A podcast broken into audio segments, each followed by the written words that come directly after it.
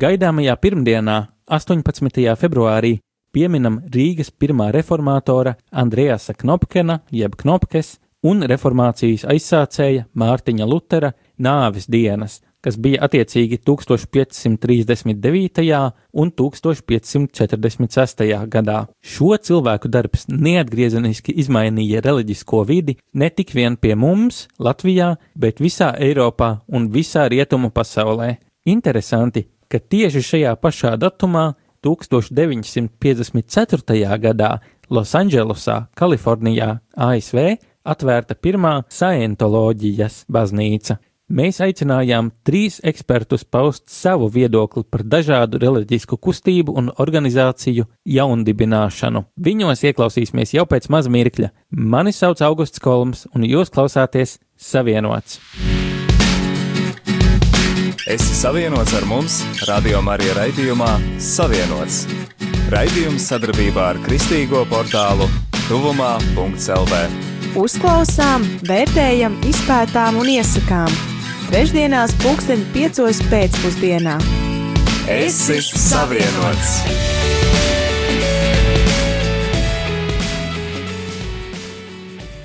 Pirms uzklausām ekspertus, ieklausīsimies, kas par šodienas tēmu bija sakāms uz ielas satiktiem garām gājējiem.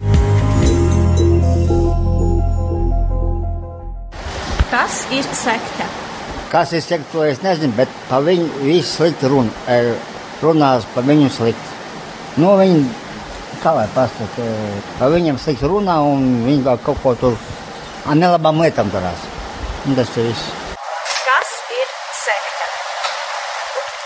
Sekta ir organizācija, nu kā, viņi uzskata, ka viņi ir Dievu vārdā, visi to dara. Bet patiesībā viņi kalpo paši sev, jo, nu, kalpo paši sev. Jā, tā es gribētu. Piemēram, jaunā paudze. Es pa jauno paudzi zinu, es tur uh, apmēram desmit gadus sastāvēju. Viņi atrodas Jurkauna cielā. Apmēram turpat viņiem ir sava mītne. Sākumā likās, nu, tīri, tīri tā nekas. Un es pārliecinājos, ka tur viss tiek atkārtot tikai, lai, viņi, lai viņiem būtu labi.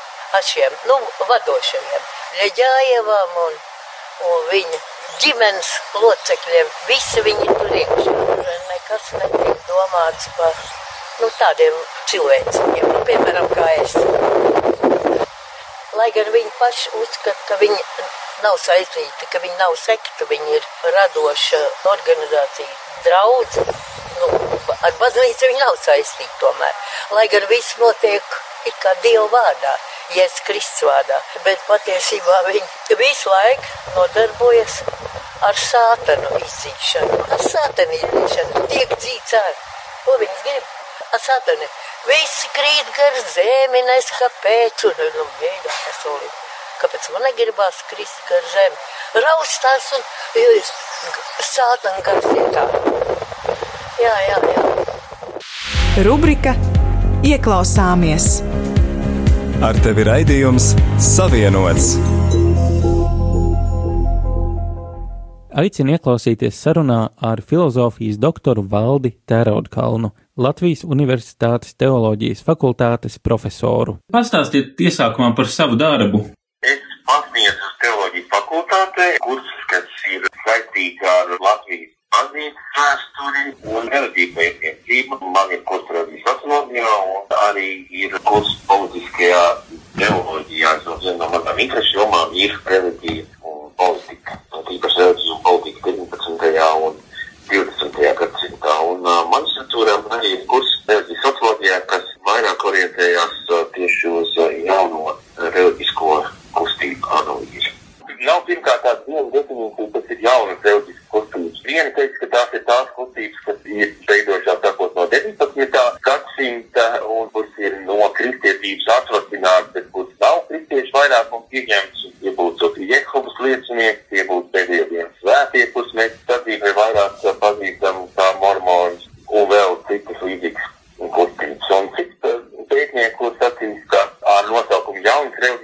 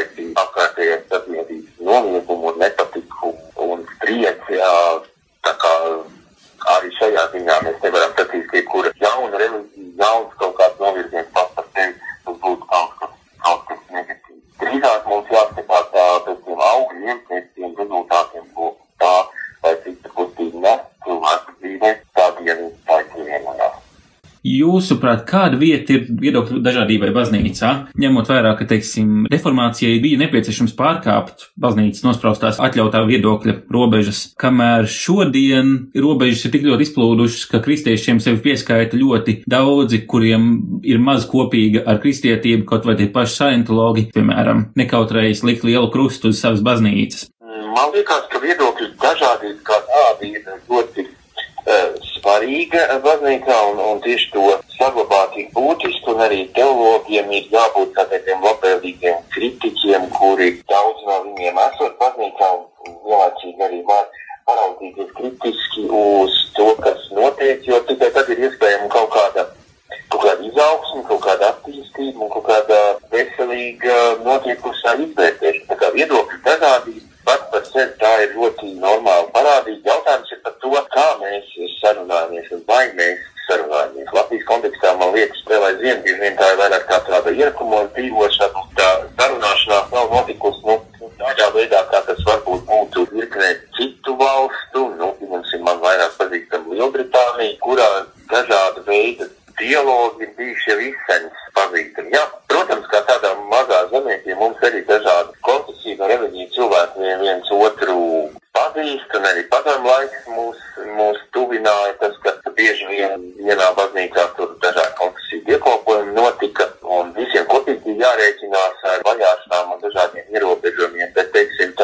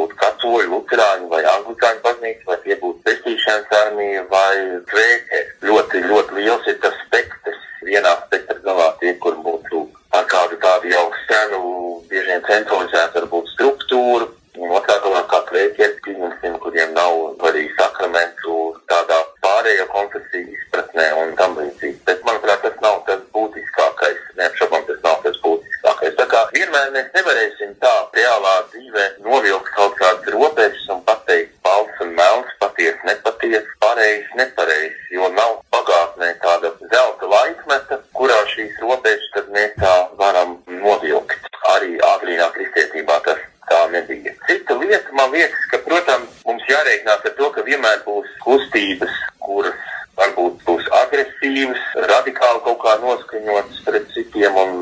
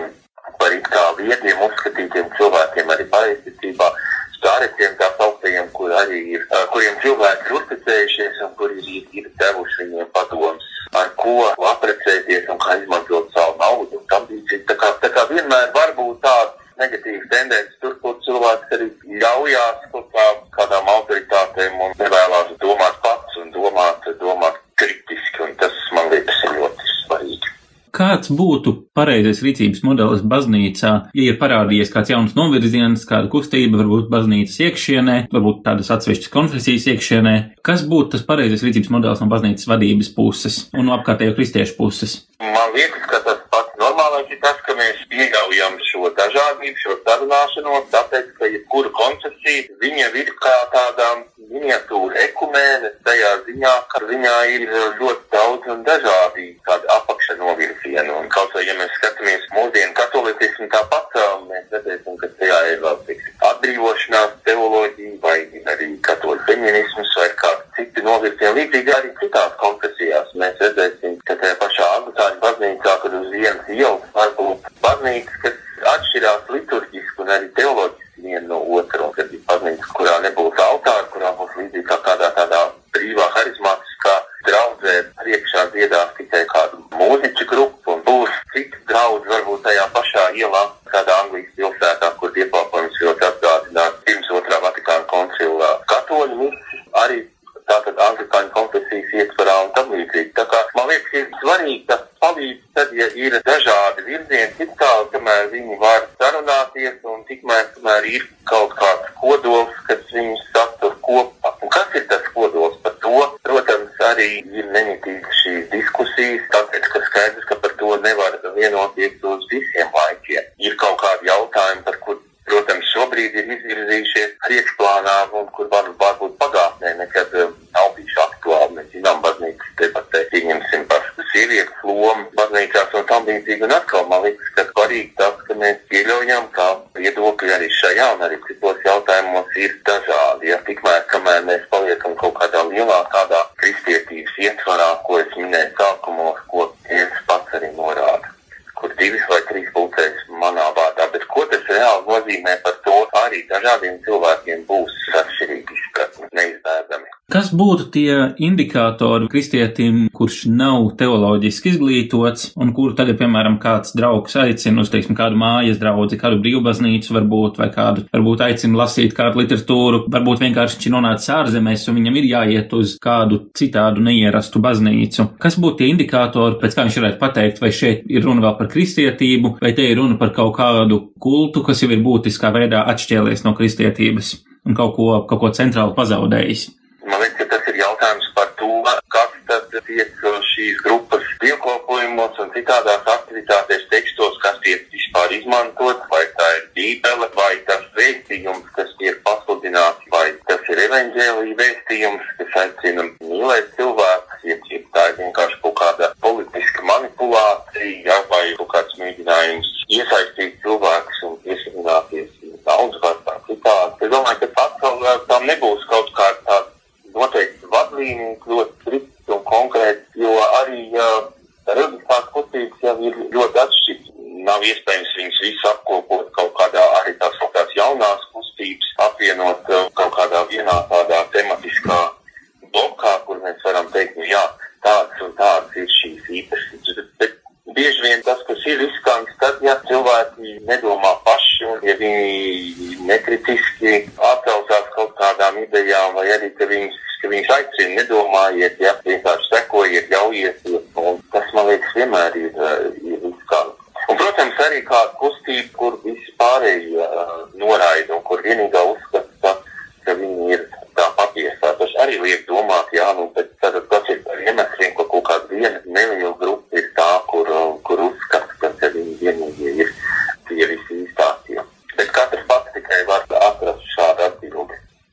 paldies! Kur būtu labākā vieta, kur klausītāji var jūs atrast? Klātienē, Latvijas universitātei, šeit tad ir kaut kāds eksīšs šur un tur, kur skatīties. Tad ir sarakstījis vairākas grāmatas, viena no tām arī par iztiekību un politiku, kur saucās Kristus Cēzars. Es esmu sarakstījis arī grāmatas ievads, ievads redzī pētniecībā. Jūs dzirdējāt sarunu ar filozofijas doktoru Valdi Tēraudu Kalnu. Latvijas Universitātes teoloģijas fakultātes profesoru. Pēc pauzes būs iespēja dzirdēt sarunu ar Kasparu Šternu, Latvijas Baptistu draugu savienības bīskapu. Prieks lēni plūst, prieks lēni dziest, lēni dziest. Tevi, par tevi gaismas dievs, gaismas dievs.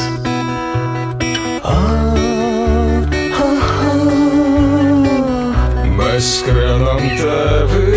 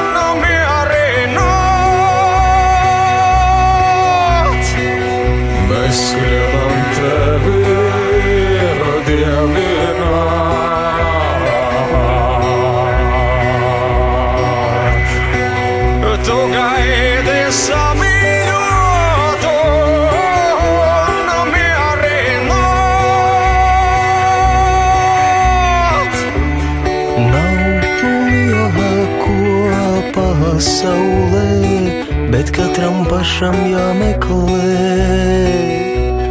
jāmeklē. Tā sirds, tā sirds, kas gaismai pavēlē, kas gaismai pavēlē.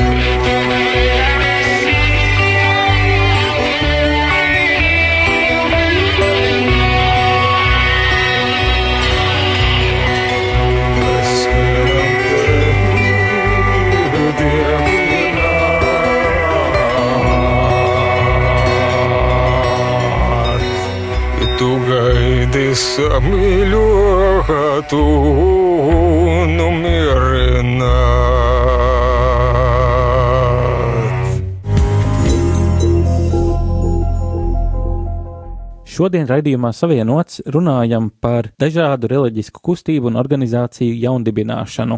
Aicinu ieklausīties sarunā ar Kasparu Šternu, Latvijas Baptistu draugu savienības bīskapu. Pastāstīt par savu darbu, kas ir tas, ko jūs darāt? Es esmu Baptistu Savienības bīskaps, tā man atbildība, protams, ir rūpēties par visām 91 Baptistu draugiem, kas ir mūsu savienībā, darīt visu, lai šīs draudzes ir augošas, lai šajās draudzēs būtu vadītāji, mācītāji, lai draudzē būtu arī tāda garīga izaugsme, bet tā ir viena no tādām mūsu vīzijām, mūsu mērķiem stiprināt, lai mums ir augošas draudzes, bet te pašā laikā, lai tās būtu draudzes, kas spētu aizsniegt cilvēkus, uzrunāt mūsdienu sabiedrību, bet nepazaudēt arī šī evaņģēlīja esenci un pašu svarīgāko vēsti. Un tādēļ mēs esam nodefinējuši arī, ka mēs gribam redzēt, ka mums ir kristocentriskas draudzes, kas nevis vienkārši māca labu morāli vai labu dzīvesveidu, bet kur centrā ir Kristus un mēs ticam Kristus darbam, viņa personai un tas, ko viņš ir darījis mūsu labā un kā viņš mūs pārveido. Bet te pašā laikā mēs arī vēlamies redzēt, lai mums ir draudzes, kas pavairojās, kas sākās, protams, ar to, ka mēs gribam redzēt, lai pavairojas jauni mācekļi, lai pavairojas jauni vadītāji un lai tiek dibināts arī jaunas draudzes, jo Latvijā ir vajadzīgas draudzes, ir vajadzīgas dažādas draudzes, ir vajadzīgas dažādās vietās draudzes, un tas ir viens no mūsu tādām ā, pamat prioritātēm meklēt, redzēt tās vietas, tās iespējas, kur ir jāveidojas jaunai kristīgai kopienai. Un šī gadījumā tās ir, mēs vairāk uzsvaru liekam uz tām mūsu draudzēm, tām draudzēm, kas var kļūt arī daļa no Baptistu savienības. Kas ir tas būtiskākais dibinot draugu, es domāju, par uzticību mācībai? Kas ir tas, kam būtu jāpievērš uzmanība, lai draudzēs saglabātos šī vienotība mācībā? Tas, ka attiecīgā, teiksim, Baptistu savienībā tā, tā mūsu, mūsu nostāja ir tāda, ka katra draudze ir autonoma. No vienas puses esmu bīskaps, bet te pašā laikā katrai draudzēji ir pašai sava autonomā vara, un es viņiem nevaru norādīt, pavēlēt un noteikt. Bet eh, mēs Baptistu Savienībā esam nodefinējuši tādas nu, galvenās teoloģiskās līnijas, kurām mēs ticam, un tad ir līnijas, kurām mēs neticam, kam mēs neticam, ko mēs nepieļaujam. Un tad mēs atstājam tādu telpu, jautājumus, ir punktus, kuriem mēs sakām, nu, mēs to Bībeli līdz galam to skaidri nepasakām, un līdz ar to mēs dodam iespēju, kā katra draudz to vairāk tā, saprot. Ja? Un, nu, tas nozīmē to, ka līdz ar to tā mācība viņa nav ļoti kontrolēta. Viņa ir tās pamata vadlīnijas. Ir, protams, ja tu vēlēsies būt daļa no Baptistu Savienības, nu, tu kaut kādā veidā tev ir jāsako, jā, viņiem, teiksim, mums ir šis ticību kredo, kas mums ir izstrādāts. Nu, ja tu gribi būt Baptistu Savienībai, tu pie tā pieturies, tu tam seko, tu tic tam, tev tā ir tava paša pārliecība. Un, kas attiecas uz draugu dibināšanu, ir jāņem vērā tas, ka tas ir atkarīgs no tā, no kādas draudzes šie cilvēki nāk un cik viņiem ir cieša saikne ar esošu draugu, jeb saucamo mācu draugu. Ja šī saikne ir tuvu, ja šī saikne ir laba, ja šī saikne ir stipra, tas nozīmē to, ka arī tā mācība visdrīzāk tiks nodota tā pati, līdz ar to tāda, kādai mēs arī ticam un kādu mēs arī sludinām. Bet tie riski, protams, ka pastāv, un es domāju, pastāv tie riski no abām pusēm, kur mēs varam kļūt arī stūrgalvīgi un ietiepīgi un teikt, ka mēs ticam tā un ne savādāk, jā, un kur arī paši mēs varam nonākt kaut kādos maldos tā rezultātā. Bet no otras puses, protams, arī ir tā iespēja arī, ka tā jauni izveidotā draudze arī viņi var aiziet kaut kur citur tajās mācībās. Mums kāds no tām grupām, mums kādas grupas tāds ir bijušas, kuras ir sapratuši, nu, ka viņas tomēr iet pretēji tam, jeb, jeb atšķirīgi no mūsu pārliecības, un līdz ar to viņas arī nav daļa no Baptistu savienības. Bet, lai panāktu tomēr, lai, lai mēs sek, sekot līdzi, tāpēc, ko mēs darām savienībā, nav tā, ka mēs sakam, ejam dibini draudzi, ir vesels process, kā mēs tā, kā sekojam līdzi tam, ne tikai dēļ tās mācības, bet vispār, lai būtu tādas rūpes un pārredzamība par to darbu, kas notiek, un ir speciālas apmācības, kurām iet cauri, ir mentori, kas ir mūsu savienības piešķirti šiem jaunu draugu dibinātājiem, un tas katrā ziņā palīdz palīdz arī sekot līdzi un izjust mācību tās līnijas, kas, kas tajā jaunajā draudzē veidojās. Un, nu, tā ir komunikācija ar cilvēkiem, tā ir komunikācija ar vadītājiem, tāpēc mums ir arī Baltijas pastorālais institūts, kur mēs mācām draugu dibinātājus un mācītājus, kur arī šīs pamatvērtības, kam mēs ticam, tiek arī iedotas. Un tad mēs ceram, ka arī vīri un brāļi, kas tālāk kalpo, viņas arī praktizēs. Kāda vieta ir viedokļu dažādībai baznīcā? Nu jā, es domāju, to pirmkārt jāsaprot, nu, ka neviena mācība nav pilnīga. Katras konfesijas mācība, jeb tie teoloģiskie uzstādījumi ir savi un kā, kaut kur viņi līdz galam nav perfekti un pilnīgi arī. Un ir, ir jautājums, kas ir, ir punkti, kuros mēs esam pilnīgi uh, vienasprāts. Mēs, uh, es domāju, jebkura konfesija, kas ir nu, evaņģēliska konfesija, atzīst to, ka glābšana ir caur Jēzu Kristu un ka mēs ik viens esam grēkojuši un tikai caur Jēzu Kristu ir piedošana, grēku piedošana un, un saņemt mūžīgo dzīvību. Un tā ir, tā ir, protams, tā pamata teoloģija, kam es domāju svarīgi, ka mēs visi ticam. Un ja tas iet pretrunā šo pamata evaņģēliju, tad, protams, tas uzreiz ir jautājums, vai tā ir kristietība, vai tas atbilst bibliskajai mācībai. Te pašā laikā, nu, jāsaprot, ir vairāk tādi punkti un jautājumi, kur nav visi tik viennozīmīgi, un līdz ar to katra tā konfesija viņa kaut kur izceļ to savu, akcentē to savu. Kas attiecās mums uz baptistiem, nu, kā jūs minējat, tad mums ir katra draudz ir autonoma, vai arī mēs tā kā esam nodefinējuši tās mūsu teoloģiskos punktus, tad šā laikā mēs dodam tomēr to telpu, to iespēju cilvēkiem arī, nu, jo mēs saprotam, ka viss nav tik skaidri saprotams. Ir lietas, kuras nav tik viennozīmīgas teoloģijā, un mēs negribam paņemt kaut kādu vienu viedokli, bet tas nozīmē to, ka kaut kur arī atšķirsies tie viedokļi un uzskati kaut kādās niansēs, bet tajā pamatā jau mēs turamies kā viens. Bet eh, katrā ziņā tā iespēja, protams, ka pastāv, viņa ir bijusi un būs reizēm atšķirt to, kur ir tas īstais un, un kur ir tas atšķaidītais un kur jau aiziet maldi, ir reizēm ļoti sarežģīti, ļoti grūti. Un īpaši, es domāju, šodien, kad informācijas blīvums ir milzīgs apkārt, kur šis saucamais sinhrētisms, ja, kur, teiksim, saplūst dažādas pat reliģijas,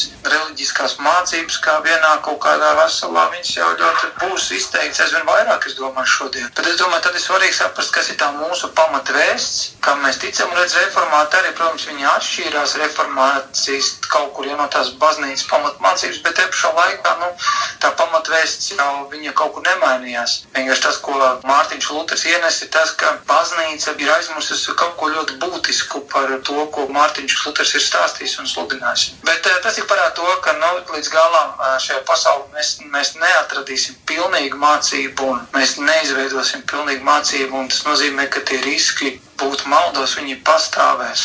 Un kur liksimies, ka mēs neesam maldos, varbūt arī mēs paši pat kaut kur kļūdāmies. Kā risināt jautājumu par kādu jaunu novirzienu parādīšanos baznīcas iekšienē? Ar to domāju gan kristīgo baznīcu kopumā, gan konfesijas iekšienē. Attiecīgi, vai jūsuprāt šeit būtu vieta, teiksim, disputam, kā tas savulaik tika mēģināts darīt, vai īstā rīcība šeit būtu izslēgt no baznīcas kādas tēmas vai vispār kādus cilvēkus, kādas idejas, lai neļautu tam kaut kā aptraipīt un beigās sagrozīt baznīcas mācību? Nu jā, protams, skaidrs ir tas, ka reizēm jau mūsu vada tās bailes un bailes par to, ka kaut kas jauns ienākot, tas var sākt apdraudēt to esošo. Un tā, protams, ir jābūt ļoti uzmanīgam, jo jāsaprot to, ka laika mainās un daudz lietas arī attīstās un ir daudz labas lietas, kuras mēs varam apgūt, mācīties, dzirdēt, kuras absolūti nav tā, ka viņas ir gluži pretrunā ar to mācību, kurā mēs esam, bet redz, ka katrai baznīcai viņai tā sava kārtība un sava nostāja, ja? un, un ir jau baznīcas un konfesijas, kuras ir ļoti striktas un kur, kuras ir ļoti skaidri nodefinējušas tos teoloģiskos uzstādījumus. Un, ja tas neatbilst tiem, tas nozīmē, ka tās mācība nepastāv. Es domāju, ka tas dialogs ir vajadzīgs runāt un diskutēt. Īpaši ņemot vērā to, ka nu, tas mans novērojums ir, ka cilvēkiem nu, parādās jauni jautājumi. Varbūt tie nav gluži galīgi jauni jautājumi, bet viņi kaut kā jaunā veidā tiek noformulēti. Un reizēm ir tā, ka baznīcai nav atbildes uz īstus tiem jautājumiem. Ja? Un, un tur kādreiz veidojas arī kaut kāda jauna, kaut kāda atzarojumi, jauna mācība, varbūt pat jauna kustība, jauna draudze, kas mēģina, mēģina rast tās atbildes, dot tās atbildes uz, uz, uz šiem, šiem jautājumiem. Un tam jānotiek dialogā. Problēma ir tāda, ka to disputu Reizēm problēma ir tāda, ka tur ļoti bieži vien tās emocijas ir tās, kas ļoti stipri iekšā tajā visā ir. Un, un reizēm, reizēm mēs arī kā kristieši mēs nemākam konstruktīvi un tā veselīgi diskutēt par teoloģiskām tēmām. Un, kā jau teicu, nu, tas tik parāda to, ka tās teoloģijas, tie, tā teoloģija vienmēr nav ļoti tāda noslēgta, nobeigta un ļoti skaidra. Ir tie jautājumi, kuri, kurus mums lasot Bībelē vai teoloģijā skatoties, mēs, nu, mums rodās tikai vairāk jautājumu nekā atbildes. Un, nu, tad ienāk kaut kādas mācības, kas mēģina tos jautājumus uz tiem jautājumiem atbildēt. Nu, tad ir jautājums, mēs pieņemam to, nepieņemam. Kā baznīcā vajadzētu reaģēt, es domāju, ka runāt par to vajag nevajag, nedrīkstam mēs to ignorēt. Laika arī šodien mainās, un par to ir jārunā. Tas nozīmē, par to ir jādiskutē, bet, kā jau es teicu, man šķiet, ka ir svarīgi, ka evaņģēlijas ir tas mūsu rāmis kurā mēs jebkuru jautājumu apskatām. Un, ja mēs redzam, ka radās kaut kāda kustība, kaut kāda mācība, kas vairs nav tajā evaņģēlīja rāmī, Mēs ticam trīsvienīgam Dievam, mēs ticam Jēzum Kristum kā vienīgam glābējam, ceļam, patiesībām, dzīvībai. Ja tas rāmis tie mācībā vairs nav, un tas nozīmē to, ka nu, tā ir maldu mācība, tā ir mācība, nu, kuru mēs nevaram nosaukt kā kristīgu mācību. Viņa var būt, tur ir kaut kādi kristīgie elementi, viņi, tur ir kaut kādi principi, kaut kādas labas idejas paņemts no kristietības, bet nu, tās būtu tās sarkanās līnijas, ko mēs teiktu, nu, ka tas iet pretrunā ar to kristietības pamatvēsti. Bet tas nenozīmē, ka tāds cilvēks mēs nevaram uzklausīt, jo tur reizēm ir tas savs stāsts, kāpēc tas cilvēks ir nonācis pie tādas atziņas un kāpēc viņš par to domā. Un, man liekas, ka dialogs vienmēr ir nu, veselīgs, ja, ja to tā labā veidā dara. Kas būtu kādi indikātori ikdienas kristietim, kad viņš iepazīstas ar kādu jaunu mācību, vai, teiksim, pēc kāda drauga aicinājuma aiziet uz kādu citu draugu, varbūt kādu, kas sevi sauc par brīvbaznīcu, vai varbūt ārzemēs aiziet uz baznīcu, kur viņa ierastā baznīca nav tuvumā, vai ierastā konfesija nav tuvumā. Kas būtu tie indikātori, pēc kā ikdienas kristietis bez teoloģiskām zināšanām varētu atpazīt, kur jāsāk uzmanīties? Reizēm to, to līniju novilkt ir ļoti grūti.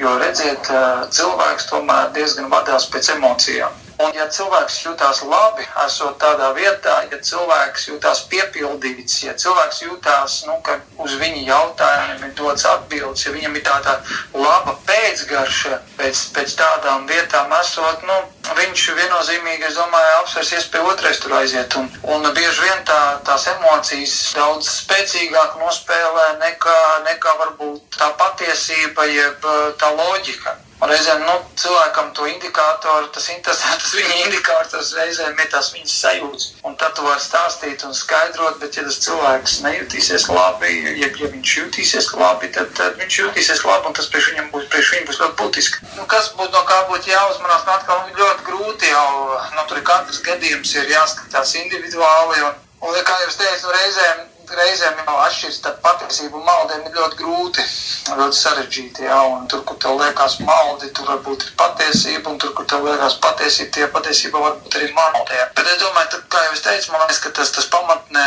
pamat ir tas, kur pirmkārt mēs vadamies pēc tās kristīgās pamatvēsts. Un, ja mēs redzam, ja tā ir vieta, kustība, draudzē, kas kas kaut kādā veidā nonicina Jēzus dievišķumu, Jēzus misiju, kāpēc viņš nāca uz šīs pasaules.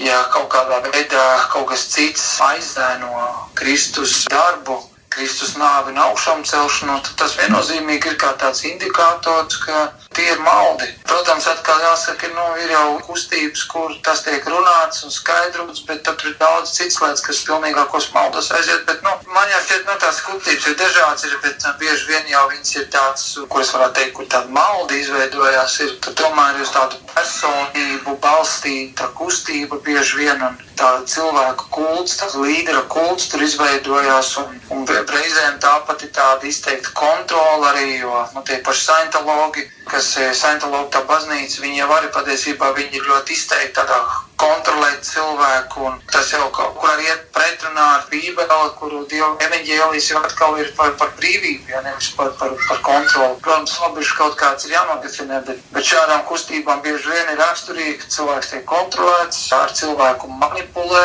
ļoti, ļoti dominējoši ir emocionālais faktors, kur reizēm veselais saprāts tiek izslēgts un cilvēks emociju vadīts pieņem jau kādu atziņu, jau kādu mācību, ko viņam māca. Es teiktu tā, ja, ja tas tur ļoti izteikti ir un to reizēm, tā, ja tu pats esi iekšā, to ļoti grūti ieraudzīt, bet, bet ja tev ir apkārt cilvēki, kas tev sāk uzmanies, jo man liekas, ar tevi manipulē, tevi kontrolē, tur ir izteikta vienas personas kults, nevis Kristus evaņģēlijs. Es teiktu, ļoti būt uzmanīgiem no tādām kustībām, no viņam izvairīties. Tad es sacīšu paldies, kur varētu klausītāji jūs atrast. Mēs Baptistu Savienība ar tevi palēnām sākam internetu vidē attīstīt mēdījus un varat iet iekšā LB, Facebookā LBDS lapā, Facebook lapā vai arī LBDS.lv. Tur reizēm ir arī mūsu pārdomas un mēs tagad tuvākā laikā ievietosim arī tādu diezgan pagaru interviju ar diviem mūsu jauniem mācītājiem, kuri stāst vispār par to, kā, kāda ir jābūt draudzēji pagātnē, kāda viņa ir bijusi, ko cienīt, kā pieņemt pārmaiņas, kas šodien notiek, kas vispār ir 21. gadsimta mācītāji, kādam šodien vai vispār ir jābūt mācītājam, kādam. Tur vēl nav plaša tā informācija, bet būs tuvākā laikā mēs arī liksim iekšā, un tur būs gan mūsu pārdomas, gan intervijas, tā kā droši varat sekot līdzi. Jūs dzirdējāt sarunu ar Kasparu Šternu, Latvijas Baptistu draugu savienības bīskapu. Visbeidzot, aicinu ieklausīties sarunā ar filoloģijas doktori profesori Skaidrīti Gūtmani, Latvijas Kristīgās akadēmijas rektori. Varētu teikt tā, ka es esmu sistēma analītiķi, jo es rakstīju disertāciju, aspirantūru beidzu filozofijas fakultātē, un disertācija rakstīju metodoloģijas jautājumus, filozofijas materiālus, bet sistēmu analīzes mēģinājumus tajā padomu laika nu, tad tie bija 70. gadi, 70. gadu vidus. Lūk, un tā bija ļoti vērtīga pieredze, tāpēc, ka filozofijas fakultāte universitātē bija lielākās brīvības fakultāte. Kaut gan varēja domāt, ka tur ir tāds vēlināt marksists, bet es, piemēram, tur strādāju pat nebūdam partijas biedra un nebūdam arī komjonieti pat. Tā kā tur bija ļoti liela brīvība, un tas man ir arī devis tādu izpratni par kristietību, ka tā ir, ja tā nav brīvība, tad tā nav nekas, kas ir evaņģēlijs.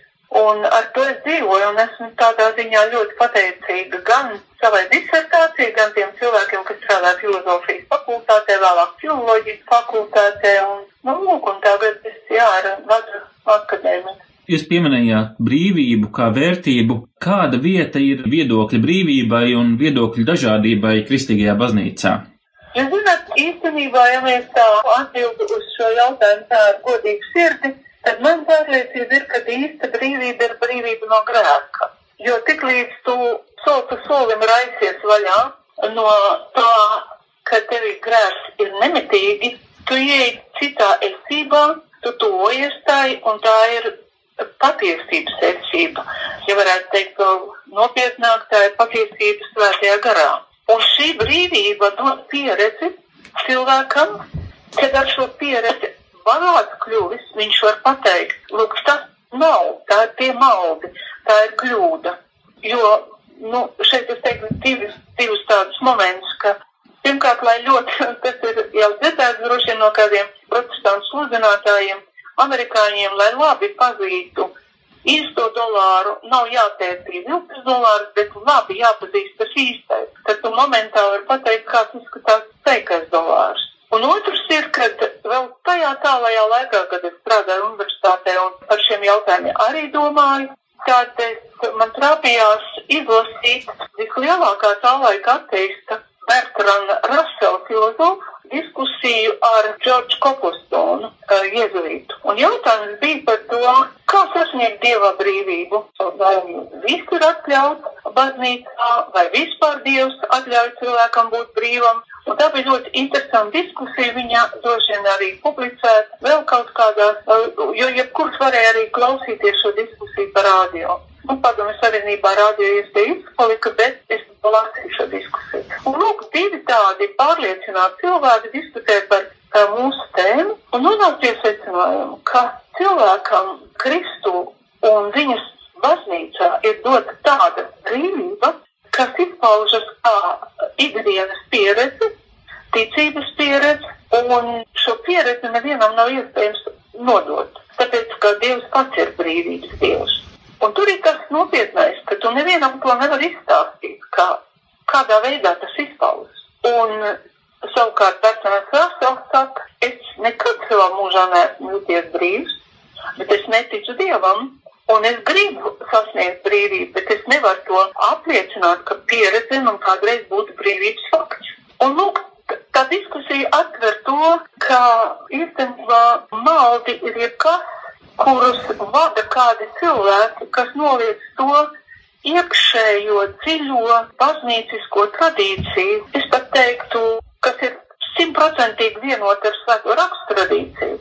Un tad šo kļūdu, jeb savu uzskatu tādus momentus noliek pretī cilvēku labšanai. Un saka, lūk, baznīcai un rakstiem īsti taisnība nav. Brīvību piedāvājam nevis, vai ne?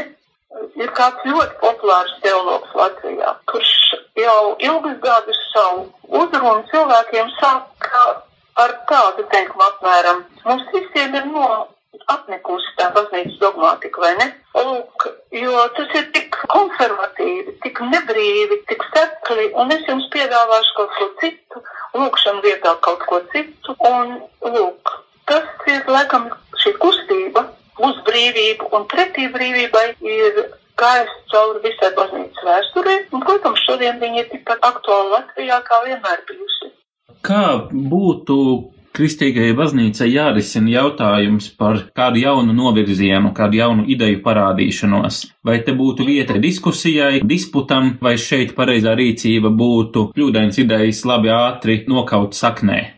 Es domāju, ka dialogs starp cilvēkiem vienmēr ir vajadzīgs, un tas ir jāvērtē tikai pozitīvi, bet ir nepieciešama kritērija. Jo piedāvājums šobrīd ir vairāk kā prāta. Vis, visādi tā saucamie garīguma modeļi, un es studentiem parasti saku, ka garīgums ir absolūti tukšs jēdziens. Ir vai nu Dieva svētā gara vadīta apziņa, domas, prāta griba, vai arī jēgas garīgums, tas ir kaut kas demonisks, kaut kas pavisam nekonkrēts. Jo, redziet, tas, ko baznīca dod cilvēkam, viņi dod ārkārtīgi skaidru, racionālu izpratni par lietām. Un tās pamatā ir dogmātika. Nevar teikt, ka jums ir apnikušas dogmas. Mācītājs to saka, un to ir teicis Atceros dzirdējis desmitiem reižu, ļoti slavens mācītājs Latvijā. Ja cilvēks vēršas pret dogmātiku, tad viņš nav kaut ko sapratis no patiesības pirmtēla. Jo dogmas jau nav kādas brīvas domu formas, bet tās ir atziņas, kas vēd pie pirmtēla, pie Kristus. Un man liekas, ka pats kungs sacīja Kristus kādā vietā pēc saviem vārdiem jūs tiksiet tiesāti vai arī taisnoti. Un tad, ja es pareizi atceros kontekstu, Kristus nerunā par sadzīves situāciju tajā vietā, bet viņš aizrāda cilvēkiem, kas zaimo Dievu svēto garu. Lūk, manuprāt, tāds ikdienas apziņu līmeņa dialogs ar citā domājušiem ir vajadzīgs, bet obligāti šis ir laikmets, kur ir cilvēkiem, mums kristiešiem jāizstāv baznīcas dogmātika, jo tā formulē un brīdina un virza mūsu prātu, gribu un viss jūtas pretī glābšanai. Tie ir īsti orientieri. Ja man vaicā kādreiz, nu, arī studenti vaicā par dažādām brīvām ticības formām, es saku, ir konsensus patrum vienotā koncilārā baznīcas apziņa, kur ir tik precīzi noformulēts cilvēks ceļš uz glābšanu, uz brīvību, ka, ja es pieņemu maldus, es pats sev nevaru cienīt, jo es pretstatu sev baznīcai pirmkārt, un otrkārt es grauju tās vienotību. es arī to vienmēr tā mēģinu uzsvērt, ka šis ir tas laiks, kad mums ārkārtīgi nopietni ir jāizstāv baznīca viņas dogmatiskajā izskatā, jo tikai baznīcai tika dota tā saskarsme ar Kristus personu. Kungs sev īstenībā viņš neuzrakstīja evaņģēlijas un nesacerēja bībeli, viņš radīja baznīcu uz apstuļu pamatu. Un viņš sev atklāja baznīcai. Un viņš teica, ka viņš baznīcā būs līdz laiku beigām ikdienas pie mums. Ja jūs man vaicātu, kur jūs būtu, mēs kungs gribētu atrasties nepārtraukti ikdienas, tad es jums, ja man vien būtu tāda iespēja, es ļoti aizņemtu cilvēku, kā mēs visi, es gribētu būt baznīcā. Ka tā ir laimes un brīvības vieta, tā ir intelektuāla šarma vieta. Tas ir viss, ko cilvēkam vajag, lai viņš justos laimīgs šeit zemes virsū. Kas būtu kādi indikātori, kādas pazīmes, pēc kā atpazīt, kurā baznīcā tiek tomēr sludināta Kristus mācība, varbūt ne ideālā formā, bet nu tomēr pamatos Kristus mācība, un kur jau tiek sludināta maldi, kas neved uz pestīšanu un vispār ne uz to pusi. Jūs ziniet, es jums pateikšu atklāt un nekautrēšos to teikt arī visiem cilvēkiem, kas klausās. Es septiņus gadus dienā, īstenībā būdam tik tik meiteni no bērnu dienām uzaugus kristīgā ģimenē. Un lūk, tagad pēc atmodas, es septiņus gadus, un mans vīrs bija mācītājs, bet es vienu dienā lūdzies, kungs, parādi man, kur ir tava baznīca. Es gribu saprast un ieraudzīt to vietu, kur evaņģēlijas, ko tu izsludināji tādā nenormālā mīlestībā, kas mums ik vien darbojas. Lūk, un paldies Dievam, nu jau rīt 15. gads, kad es esmu ļoti laimīga baznīcā, Kristu baznīcā, kur nekas cits nenotiek, itin nekas, tā tikai tas, ko Kristus teica, kas ir viņa baznīca. Mana tēva nams ir lūkšana nams ne koncerti, ne kaut kāds speciāls jauniešu vakars, dāmu komitejas, es nezinu, nometņu nometnes vai vēl visādi triki un veidi, kā piesaistīt cilvēkus tam, kas viņam ir vajadzīgs ēst. Tāpēc tiem cilvēkiem, kas meklē baznīcu, es ieteiktu divas lietas. Pirmkārt, ja jums tas tiešām ir no sirds vajadzīgs, un tas ir eksistenciāli vajadzīgs kādam cilvēkam, jo mēs neesam pašpietiekami, mēs neesam pašpietiekami. Mums baznīca un Kristus ir vajadzīgs pat daudz un vēl vairāk kā es, jo mēs jau esam garīgs būtnes. Tad, lūk, es tiem cilvēkiem iesaku, lūk, Dievu, nu sirds, vērsties pie Dieva, Dievs parādi man, kur ir tava baznīca. Un Dievs noteikti to izdarīs. Un es zinu arī, ka ir tādi viedokļi, ka Mana omīte bija tur baptistos, luterāņos vai katoļos vai pareizticīgā, es arī tur iešu. Bet es lasot evaņģēlī vienmēr pamanu vienu tādu ļoti zīmīgu teikumu, ka Kristus dodas uz Jeruzalem, uz mieru vietu. Un viņš iet ar saviem mācekļiem un mācekļiem kādā vietā gribas apsēsties un justies labi. Un viņi arī apsēžās un kādu brīdi ir kopā tādā labs sajūtā, Bet nav bijis viena vieta, kad Kristus nepasakīja to ļoti raksturīgo teikumu, ko īstenībā viņš saka arī katram no mums celsimies un iesim no šīs vietas. Kristietim ir jāatrodas ceļā, garīgas izaugsmas ceļā. Arvien vairāk, arvien vairāk, arvien dziļāk Kristus sev grib atklāt katram cilvēkam. Un tā jau ir, ka mūsu uzdevums ir dievišķošanās. Tāpēc es domāju, ka otrs, kas būtu jādara ārpus lūkšanas, vienkārši jāmeklē saknes. Saknes, no kurienes?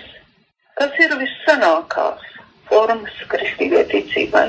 Saka jau, ka tradicionālās konfesionālās baznīcas ir tās vispilnīgākā. Es piekrītu, nu tad vajag tajās iestiprināties, jo tur ir sakramenti, tur ir Kristus klātbūtne ikdienas pie mums. Man patīk viens teiciens, ko ir sacījis Konfūcijas. Es viņu bieži sev atgādinu Nu, viņš jau nav kristietis, bet vienalga tā ir tāda ļoti fundamentāla sena pareiza pieeja lietām. Nekad neskrien svešā sētā, jo dūmi no skursteņiem tur kūp tieši tādi paši, un arī suņerēji tāpat. Lūk, nevajag baznīcā meklēt ne dūmus, ne suņus, baznīcā vajag meklēt Kristu.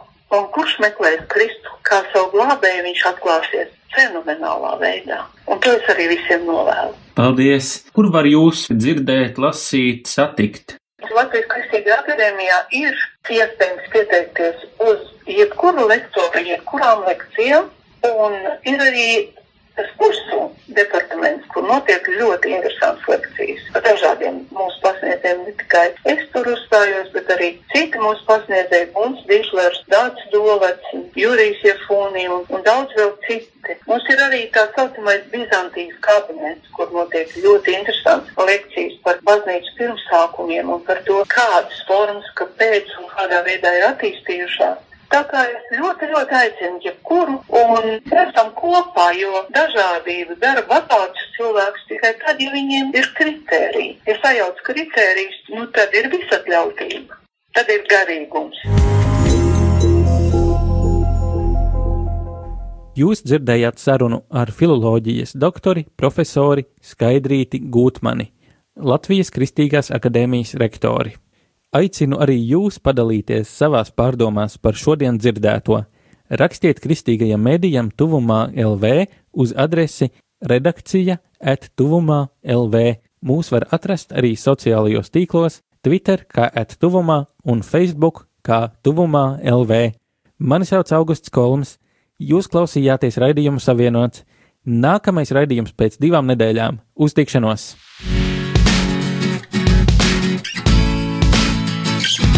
Tu klausījies raidījumu Savienots. Būsim atkal ēterā trešdien, pulksten piecos pēcpusdienā. Klausies mūsu radio Marija un lasi kristīgo portālu tuvumā.lv. Es esmu savienots!